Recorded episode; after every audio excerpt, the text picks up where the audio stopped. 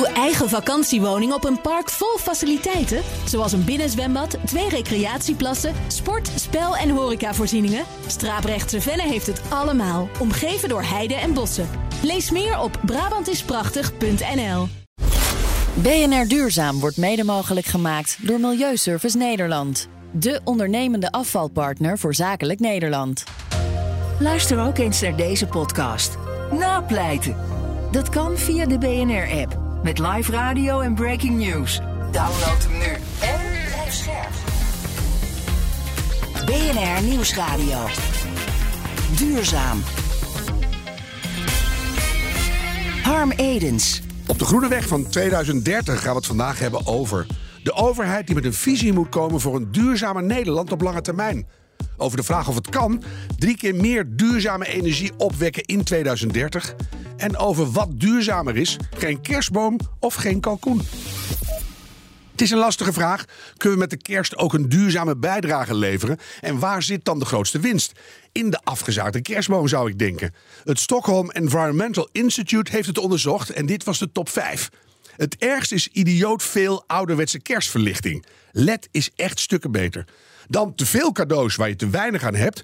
Typisch verspillende overconsumptie. Met de trein naar vrienden met de kerst is veel beter. In plaats van allemaal in een aparte auto. Dat scheelt heel veel in je kerstvoetafdruk. En vegetarisch en of een verspillingsvrij diner helpt ook. En opvallend, relatief het minst vergroen je je kerst door geen kerstboom te nemen. Ik ben benieuwd wat iedereen gaat kiezen. Ik denk wel dat je mooie kerstgevoel veel dieper wordt als je er een klein beetje je best voor hebt gedaan. Ik ben Harm Edens, dit is BNR Duurzaam en ons groene geweten is deze keer Muriel Arts van Impacting Today. Muriel, de Wetenschappelijke Klimaatraad, ik zou bijna zeggen hoera, heeft voor het eerst een officieel advies aan het kabinet en de Tweede Kamer gegeven. Wat zeggen ze? Nou, als eerste zeggen ze dat de overheid het heft in eigen hand moet nemen voor een klimaatneutrale en klimaatbestendige toekomst. Door een visie te creëren hoe ons land er dan uitziet in 2050. En vervolgens een goede strategie om er te komen. En de NOS sprak met voorzitter Jan-Willem Eresman en hij zegt: We hebben nu echt een leefbaar Nederland nodig met gezonde biosfeer, schoon water, gezonde licht, een gezonde bodem en een leefbaar landschap. Ja, wat ik altijd zeg, hè, de Groene Weg naar 2030 en dan denk ik altijd en beyond. Ik heb het heel vaak aan Rutte gevraagd, die wilde nooit. Zeggen ze ook iets over het erkennen van klimaatrechtvaardigheid? En, en zo ja, wat bedoelen ze daar dan mee? Ja, heel erg belangrijk. En het gaat eigenlijk in eerste instantie om dat je erkent dat de lasten en de lusten niet eerlijk zijn verdeeld over de mensen en de bedrijven en andere organisaties. En een bekend voorbeeld zijn de hoge energieprijzen. Als je geen geld hebt om te investeren in zonnepanelen, een warmtepomp of betere isolatie, dan ben je dus eigenlijk een beetje de sjaak. Ja. En hetzelfde geldt natuurlijk voor elektrische auto's. Er zijn heel veel mensen die zo'n auto best zouden willen, maar het niet kunnen betalen. En de Klimaatraad zegt nu: verplicht verhuurders om alle huurwoningen goed te isoleren. En maak ook het openbaar vervoer betaalbaarder. Dat is goed voor de mensen die zich geen auto kunnen verlopen, maar wel graag klimaatneutraal willen reizen. Ja.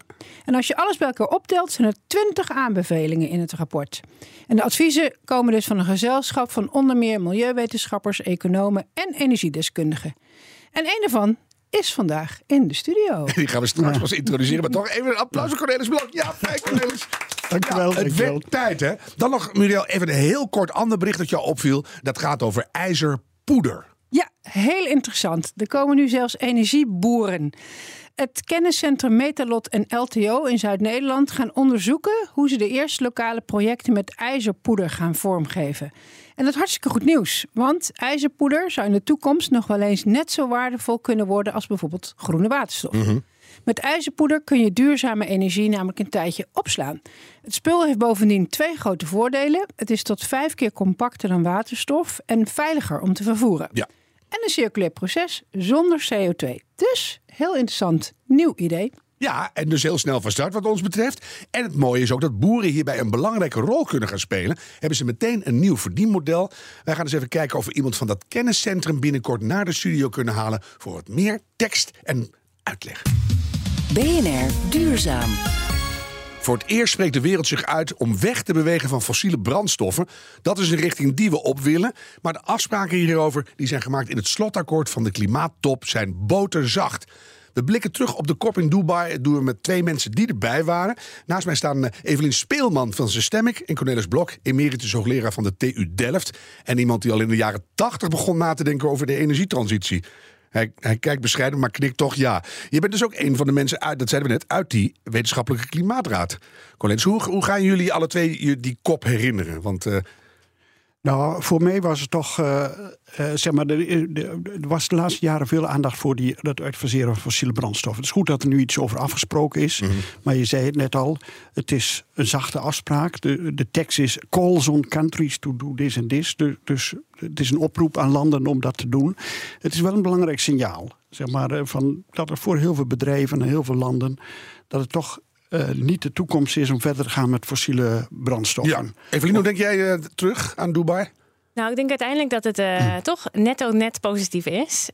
ik was helemaal aan het begin bij een diner van New York Times... waarop El Gore ook heel vattend zei... ja, dit wordt of een famous failure of famous. Hè? Dus het gaat of goed en deze kop wordt heel beroemd... om wat het uiteindelijk bereikt...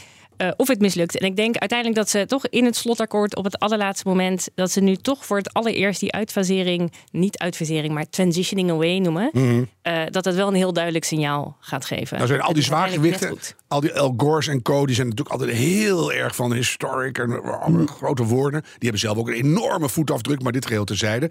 Uh, nou staat er voor het eerst in die slottekst dat we gaan wegbewegen van fossiel. Toch historisch te noemen? Ik, nou, time will tell, mm. toch? Maar ik, uh, ik denk uiteindelijk wel dus dat je uiteindelijk dus nu natuurlijk toch uit, met consensus 198 landen hebt die zich hier achter scharen. Uh, en een heel duidelijke richting aangeven. Niet alleen op die anderhalve graad, maar dus ook op die uitfasering. Mm -hmm. uh, geeft wel een signaal af. Ja, ik kijk toch meteen ook weer even naar Cornelis. Ja. Want er staat nergens hoe we het moeten gaan doen, in welk nee. tempo. En, en ik denk dan, als je het gaat doorrekenen, zo komen we nergens. Nou, dat is niet helemaal zo. Van, maar hoe dan ook. Uh, de, de, de, onderhandelingen, elke keer wordt natuurlijk heel erg naar gekeken, ook door de, door de media, van wat gaat er precies gebeuren? Is er een doorbraak? Maar eigenlijk is, is het gewoon stapje voor stapje ga je verder. En daar is deze kop ook weer een belangrijke in. Maar uh, in Parijs is afgesproken dat er een vijfjaarlijkse cyclus is. In 2016? In, in 2015 was dat. Hm. En dus elke vijf jaar dan moeten, moeten er verdergaande afspraken gemaakt worden. En uh, er werd al steeds uh, gesproken over de global stocktake. Dus het in kaart brengen van hoe staan we ervoor. Uh, nou, daar is nu de eerste stap voor gemaakt. En landen worden nu uitgenodigd om in 2025 met grotere ambities te komen. En niet alleen voor 2030, maar ook voor 2035. En dat is de belangrijke stap waar we dus nu naartoe werken. wordt verder en het, het gaat niet meer van tafel. Je mag het nu gewoon hardop zeggen zonder dat iedereen zich ja. verslikt. Evelien, jij zei ondertussen... we leven wel steeds meer een beetje in twee verschillende realiteiten. Kan je dat uitleggen? Ja, dus wat, er, uh, wat we eigenlijk natuurlijk zien is aan de ene kant juist ook het afgelopen jaren, hè, is dat het impact van klimaatverandering steeds duidelijker wordt. We hebben allemaal natuurlijk de bosbranden gezien in Canada en in Griekenland. Alle hittegolven, uh, vorige week nog in Brazilië of eigenlijk gisteren nog in Malaga. De overstromingen in Libië. Toch, je, je kunt maar doorgaan. Heetste Noordpool ooit mm. in de maar, zomer. Precies, toch? Oh. Steeds, steeds warmer Antarctica, alles. Ja. Uh, en ook dat ondanks alle afspraken ook uit Kop en uit Parijs. Dat we natuurlijk nog steeds zien dat de emissies niet afvlakken. Of in ieder geval niet, niet afnemen. En zeker ook nog steeds uh, in, de, in de atmosfeer steeds doorstrijden. Mm -hmm. Aan de andere kant is natuurlijk ook een andere realiteit. Um, en dat is dat we inmiddels toch wel zien dat we voor alle sectoren, voor alle technologieën, wel ongeveer weten wat er nodig is om naar net zero te gaan in 2050. Dus met andere woorden, we weten de oplossingen. En het andere wat we ook weten, maar waar we niet zo vaak naar kijken, is dat heel veel technologieën uiteindelijk schalen met een exponentiële groei. Dus ik denk dat we allemaal van corona nog wel weten ja. hè, dat het eerst langzaam gaat en lineair. En dat snappen we allemaal. Maar op het moment dat het dan begint te verdubbelen, en dan nog een keer en dan nog een keer, dat het er ineens is. Het wordt altijd hockeysticks en het schiet altijd door het dak. Dus ook de positieve dingen bedoel je te zeggen. Ook de positieve ja. dingen. En ja. dat beginnen we nu te zien op het gebied van hernieuwbare energie. Dus op zon en op wind zien we dat heel hard opschalen. Mm -hmm. Cornelis, men wil in 2030 drie keer zoveel duurzame ja. energie hebben opgewekt. Is dat dan wel een reële doelstelling, denk jij? Ja, dat, is, uh, dat, dat kan heel goed. En dat heeft ook te maken met uh, waar uh, Evelien het net over had. Dat, die, dat exponentiële effect. Van, je merkt, zeg maar, er is gewoon de afgelopen jaren ontzettend veel opgebouwd in productiecapaciteiten en ervaring. Dus heel veel landen hebben nu ervaring met duurzame ja. energie en kunnen dat heel snel opschalen. Dus die verdrievoudiging. De IEA heeft dat doorgerekend, maar ook heel veel anderen hadden dat al eerder gedaan. Uh, dat, dat kan. En dat is vooral zon en wind waar het mee moet gebeuren. Dus jullie, jullie zijn echt best positief als ik het zo nou, zie. Nou, ik vind als, ik, als er één ding is waarvan ik zeg dat is essentieel in dit uh, akkoord, dan is het die opmerking over verdrievoudiging van duurzame energie. Mm Want we hebben dat ook uh, als IPCC vorig jaar geconstateerd. Er zijn een paar dingen die heel belangrijk zijn. En wind en zon zijn daar de twee van. Dus wil je nog in 2000, wil je in 2030 de uitstoot nog verder terugbrengen, dan zijn dat de twee belangrijkste opties. En praat je dan over wereldwijd, Cornelis? Want ik kan me voorstellen dat, dat, verder weggelegen gebieden daar nog helemaal niet aan toe zijn. Nee, dat, uh, we, we, hebben het erover dat het wereldwijd moet gebeuren. Want uh, heel veel landen in Europa die zitten al uh, op de helft of meer. Dus die kunnen niet eens verdrievoudigen wat elektriciteit betreft. We hebben het hier alleen maar over elektriciteit. Mm -hmm. Maar heel veel landen, de, eh, het gaat over wereldwijd. Dus het is niet alleen een oproep aan landen om zelf iets te doen, maar ook uh, aan landen om elkaar te helpen. En ik denk dat deze, die, dat ene zinnetje wel een aanleiding zal zijn voor heel veel landen om te zeggen: Nou, kunnen we de landen die nog niet zo ver zijn, of die uh, financiële of andere hulp nodig hebben, kunnen we die een stap verder. Dat zou mooi zijn, dat in zo'n zinnetje zoveel kracht blijkt te hebben. En Evelien, jij hebt ook een baanbrekend onderzoek gedaan dat zelfs de allermoeilijkste sectoren toch wel degelijk daarheen te krijgen zijn. Staal, cement. Kan je daar iets meer over vertellen? Van hoe, hoe doen jullie dat? Ja, dus we werken onder de vlag van het, uh, en we noemen dat ook het Mission Possible Partnership. Dus het zit al in de naam. Over hoe je uh, die grote, zware industrieën nu naar netto nul gaat krijgen. Ook een goede wanhoop heeft ook een toekomst. ja, ja. Dus die, uh, en als laatste hebben we ook naar cement en beton gekeken. En ik moet eerlijk zeggen dat dat wel de allermoeilijkste was. Dat is één, zeg maar, technologisch het moeilijkste. Twee is de business case toch ingewikkeld om recht te breien. en drie is natuurlijk ook de industrie is niet echt gewend aan veranderingen. Die is letterlijk zo oud als de weg naar Rome. Mhm. Eh, dus dat wordt wel lastig. Maar wat we dus wel zien, is dat er ook daar op dat vlak, op het gebied van technologie, dat we eigenlijk wel weten wat het portfolio aan oplossingen is. En natuurlijk kan er altijd nog meer innovatie bij en hè, moet het allemaal sneller. Maar het kan dus wel. Ja. Uh, en dat, dat geeft de burger moed. Dat geeft zeker. En dan hebben we het nu maar even niet met jullie over de grondstoffen en de, en de krapte daarvan. Want daar heb ik af en toe nog wel een, eh, een, een hoofdbrekertje over. Um, even terug naar die kop. Want wij focussen met z'n allen, en er kwam net al de kracht van één zinnetje langs. We, we focussen ons heel erg op die eindtekst. Maar gaat het uiteindelijk niet veel veel meer om het feit dat landen zich wel of niet houden aan de gemaakte afspraken, Cornelis. Ja, nee, daar gaat, daar gaat het inderdaad om. En uh, die afspraken zijn dus in, in 2015 zijn die eerste toezeggingen gedaan. En dat gebeurt niet op de koppen, dat gebeurt vooraf. Mm -hmm. In Glasgow in 2021 zijn die afspraken aangescherpt en zijn er ook afspraken bij, of toezeggingen bijgekomen om, in, om op termijn uh, klimaatneutraal te zijn. Ja. Dus dat is heel belangrijk. Uh, en uh, het is natuurlijk ja, die, die toezegging is één ding, maar houden landen zich eraan? Nou, landen houden zich er redelijk aan. Zeg maar, er is een, een organisatie, Climate Action Tracker, die elk jaar, elk jaar bijhoudt van wat doen landen.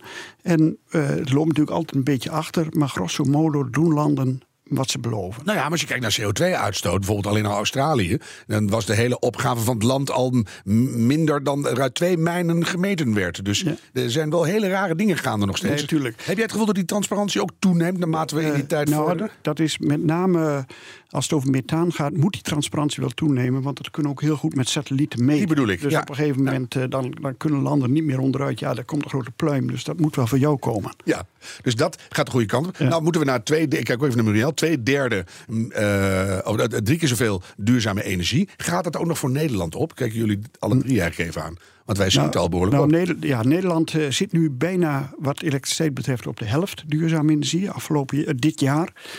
Um, en uh, er zijn hele concrete plannen door verdere uitbouw van wind op zee en mhm. door meer zonne-energie op onze huizen, dat we in 2030 uh, zitten we op 80 of 90 procent van onze elektriciteit die alleen al uit zon en wind komt.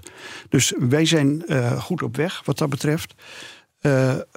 Ja, maar goed, er zijn heel veel landen in de wereld. Sommige, die, sommige zijn al behoorlijk bezig. Zo ook landen China en India, maar anderen, zoals Indonesië, die komen nog van bijna niks. Dus die moeten echt nog heel veel uh, gaan doen. En naarmate je in de industrie meer gaat elektrificeren, heb je ook weer meer stroom nodig, toch? Klopt, toch? Dus de stroomvraag gaat ook nog heel erg toenemen. nog een- het, het moet hand in hand gaan. Ja, dus opwekken, daar zijn we optimistisch over. Ja. Opge- opgewekt over, ook een goede zin. Ja. En, eh, maar dan die, die opslag, hoe staat het daarmee? Schieten we daar ook een beetje mee op? Ja, eh, eh, dat is een goede vraag. Eh, en ik, ik begin er altijd mee te zeggen dat het niet alleen maar om opslag gaat. Wat we moeten doen is vraag en aanbod van stroom aan elkaar, op elkaar aan laten sluiten. Aha. En dat kun je op verschillende manieren doen. En de belangrijkste is altijd door uitwisseling van, tussen landen. Dus als wij tekort hebben, dan heeft Duitsland of, een, of België heeft misschien overschotten. En dan kunnen we dat, aan, dat, kunnen we dat van elkaar Dan moet aanvullen. het is ook transport ook weer redelijk gunstig gaan. De- dus we moeten ook, het eerste wat we moeten doen, en de goedkoopste manier ook om dat op te lossen, meer netten bouwen, meer internationale uitwisseling mogelijk te maken. Het tweede is dat je zorgt dat de vraag zich aanpast aan het aanbod, door onze auto's te gaan laden op het moment dat er genoeg stroom is, bijvoorbeeld.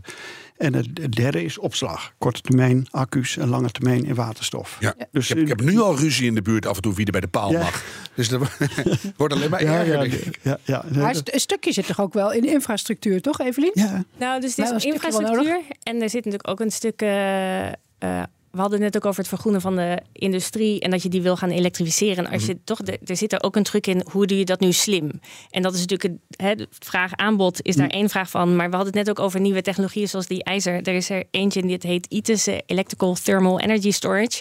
Dat zijn eigenlijk een soort warmtebatterijen. En ook daarvan zie je, ook als je dat doorrekent in Nederland voor mi- middentemperatuurswarmte, dus dat is zo 400 graden in de industrie Ja. dat als je dat soort technologieën gebruikt voor je elektrificatie, dat je binnen de huidige netwerkuitbreidingsplannen, dat je 90% het daar binnen laat passen. Dus met andere woorden, de plannen die ze maken, mits dat allemaal wordt uitgevoerd, en Ja. daar doet iedereen heel hard zijn best voor en is heel moeilijk. Ja. Dan zou het nog wel eens kunnen gaan passen. Ja, maar dat vind ik nou zo mooi. Het is, ook, het is ook gewoon einde jaar en kerst en nieuwjaar. En dan hebben we dit soort verhalen nodig. BNR Nieuwsradio. Duurzaam. Harm Edens. Eurocommissaris Hoekstra noemde het klimaatakkoord in Dubai historisch. Transitieprofessor Jan Rotmans vond dat wat overdreven. Die sprak over afspraken die vooral intentioneel zijn en landen nergens toe verplichten. Evelien Speelman van zijn is hier, net als Cornelis Blok, emeritus hoogleraar van de TU Delft. Zij waren allebei fysiek aanwezig op de kop. Ja, niet fysiek aanwezig ook een beetje gek? Maar, en Muriel Arts is er ook ons geweten.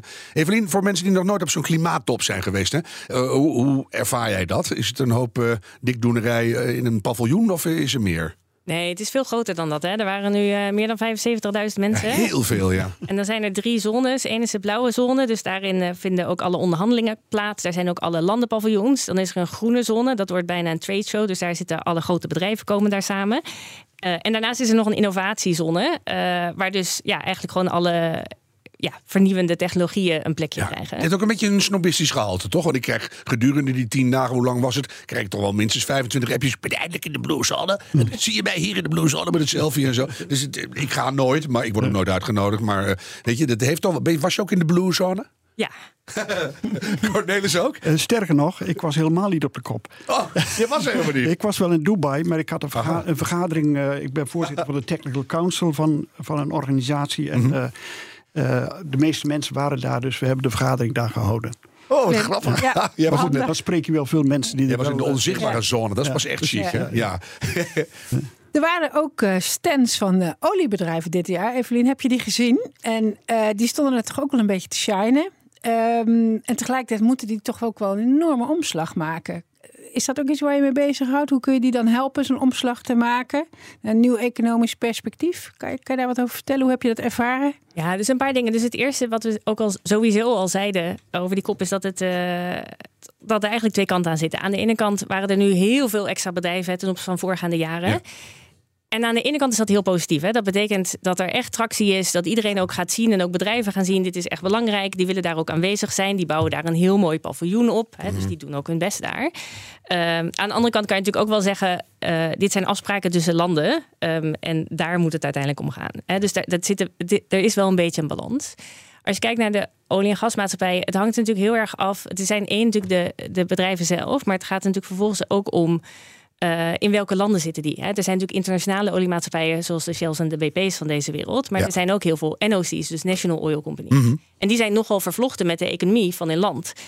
En daar gaat het eigenlijk om dat je dat soort landen, dus bijvoorbeeld een Venezuela, wel echt een perspectief gaat geven. En Als ook dat heel niet meer snel. mag, hè? wat dan wel? Ja, toch? precies. dat je inderdaad je, je toekomst op gaat bouwen. Want, Evelien, je ziet ook overal nu, en dat ook weer bij de kop met Al Jabbar, laten we voor de rest maar niet meer noemen, eh, dat er steeds sneller eh, wordt opgepompt, steeds meer wordt geïnvesteerd, nu het nog officieel mag. Dus dat stemt mij dan weer niet zo hoopvol. Wat zeg jij dan? En Cornelis eigenlijk ook. Nou ja, het, het is lastig, denk ik, is de synthese. We hebben ook net eh, eh, een van de grote initiatieven die we hebben als Systemic heet de Energy Transition Commission, heeft net een rapport ook uitgebracht over toch hoe snel moeten die eh, olie en gas nu worden uitgefaseerd. En het antwoord is dat er toch wel 85% weg moet zijn tegen de tijd dat je in 2050 zit. Dus dat Ja. is echt een enorme afname. Ehm, in die commissie zitten Shell en BP. En die hebben allebei daarin meegetekend, omdat zij allebei ook onderschrijven: ja, dit is uiteindelijk wel wat er moet gaan gebeuren. Kan niet anders. Ja. Nee. En vervolgens is het natuurlijk wel dat je dan als oliemaatschappij wel je geld moet gaan verschuiven. Hè, al- vanuit een portfolio de andere kant op. En dat zien we nog niet echt op de schaal gebeuren Nee. die nodig is. Dus is dat dan, kijk even naar Ja. Cornelis, ook de aanloop, ook hier weer de stapjes die je nodig hebt voordat het gaat schuiven? Ja, nou, eh, wat er moet gebeuren, zeg maar uiteindelijk, eh, zolang we eh, fossiele energie blijven gebruiken, dan gaan die bedrijven dat leveren. Dus we moeten toch in eerste instantie ook zorgen dat we nou, de, het transport elektrificeren eh, de, en de verduurzaming van de elektriciteitssector en andere sectoren. Dus daar moet het toch van komen. Dus die initiatieven zijn het belangrijkste. Maar de hoogleraar Jujita Gupta, je kent haar ongetwijfeld van de UvA, die zei eh, laatst eh, in een gesprek dat ik met haar had, als je niet ook heel bewust fossiel uitfaseert en daarnaast alleen maar meer renewables maakt, dan gaan we alleen maar meer energie gebruiken. Ik vond dat wel een, eh, een belangrijke opmerking. Ja, en Harm, weet je wat ik ook Ja. wel heb geleerd? Ehm, kijk, je hebt al die nieuwe technologieën, wat jullie ook beide zetten. En eigenlijk moeten we die, net als bij tipping points, heel hard stimuleren. Zodat bedrijven en sectoren ook zicht krijgen op de oplossing. Want dan weet je waar je naartoe Ja. moet bewegen. En volgens mij hè, zitten jullie allebei daar ook wel in. Van hoe Ja. ga je dan die oplossingen stimuleren, zodat er een positief perspectief is en mensen durven te veranderen? Ja, laat ik dat de- aan Evelien vragen, dan kom ik bij Cornelis uit uiteindelijk. Ja, maar goed. Ja, dus een van de eh, dingen waar we ook als Systemic nu het komende jaar eh, extra naar gaan kijken... is inderdaad hoe kan je die tipping points gaan versnellen. Want dat geeft namelijk ook een beetje hoop. Hè, want het, geeft, het, het was het hele exponentiële groeiverhaal van eerder vandaag. Was natuurlijk van als je er nu voor zorgt dat het vanzelf gaat gaan... na een bepaald tipping point... Hè, dat, nou goed, dan gaan we met z'n allen sneller. Ja. En dat zijn we dus nu ook aan het doen. En dat doen we eigenlijk ook techniek voor techniek. Dus om een heel klein voorbeeldje te geven. eh, we hebben toevallig het afgelopen jaar gekeken naar container handling equipment. Dus dat zijn van die eh, ja, soort eh, karretjes die dan containers op, optillen in, in de haven van Rotterdam. Ja. En die moeten natuurlijk ook allemaal elektrisch. Het is een relatief heel niche hè, categorietje. Maar de theorie is, als je nu kijkt wat er voor nodig is om een tipping point te krijgen, en dat is zowel op affordability, dus is het betaalbaar, als hè, kan je het aansluiten en zo. Hoe krijg je dan dat tipping point naar voren, zodat de boel gaat op, eh, opschalen? ja, en iedereen blij wordt. Cornelis, Ja. voor jou de laatste zin. Ja, eh, hoe, hoe gaan we versnellen met z'n allen? Eh, nou, ik, ik denk dat dat belangrijk is. Alleen ik, ik geloof niet zo helemaal in die, in die tipping point gedachte. Dat dingen op een gegeven moment vanzelf gaan. Je moet toch blijven sleuren. En je komt steeds weer, bijvoorbeeld kijk naar, ik noemde net al Indonesië, waar duurzame energie echt aan het begin staat. Dan moeten we gewoon het hele traject weer door. Ook al is het, eh, is het overal bewezen, ook zo eh, is het eh, steeds Ja. meer affordable. Er moet gewoon aan, we moeten er gewoon aan blijven trekken. En, en mooie voorbeelden meenemen. hè? Dat Precies, helpt ja, ook. ja. Mooi. En, en je, volgens mij ben je ook een sleurder. En is Eveline, die houdt gewoon van... eh, Ja. Maar niks gaat veranderen zonder kracht en zonder mooi perspectief. Ja. Beter kan ik hem niet afsluiten. Ik ga jullie enorm bedanken. Evelien Speelman, Cornelis Blok en Muriel Arts. Dank jullie wel. Dan nog even dit. Een schamele 19% van alle Nederlandse bedrijventerreinen is Paris-proof. Blijkt uit een inventarisatie van Rienstra Beleidsonderzoek en Elba slash REC. De onderzoekers keken met name naar de gebouwen en het energiegebruik. Werk aan de winkel dus, vertelt Gerlof Rienstra, die aan het onderzoek meewerkte. Dat eh, betekent ook dat een aantal bedrijven daar nu ook heel erg eh, intensief mee, eh, mee bezig zijn.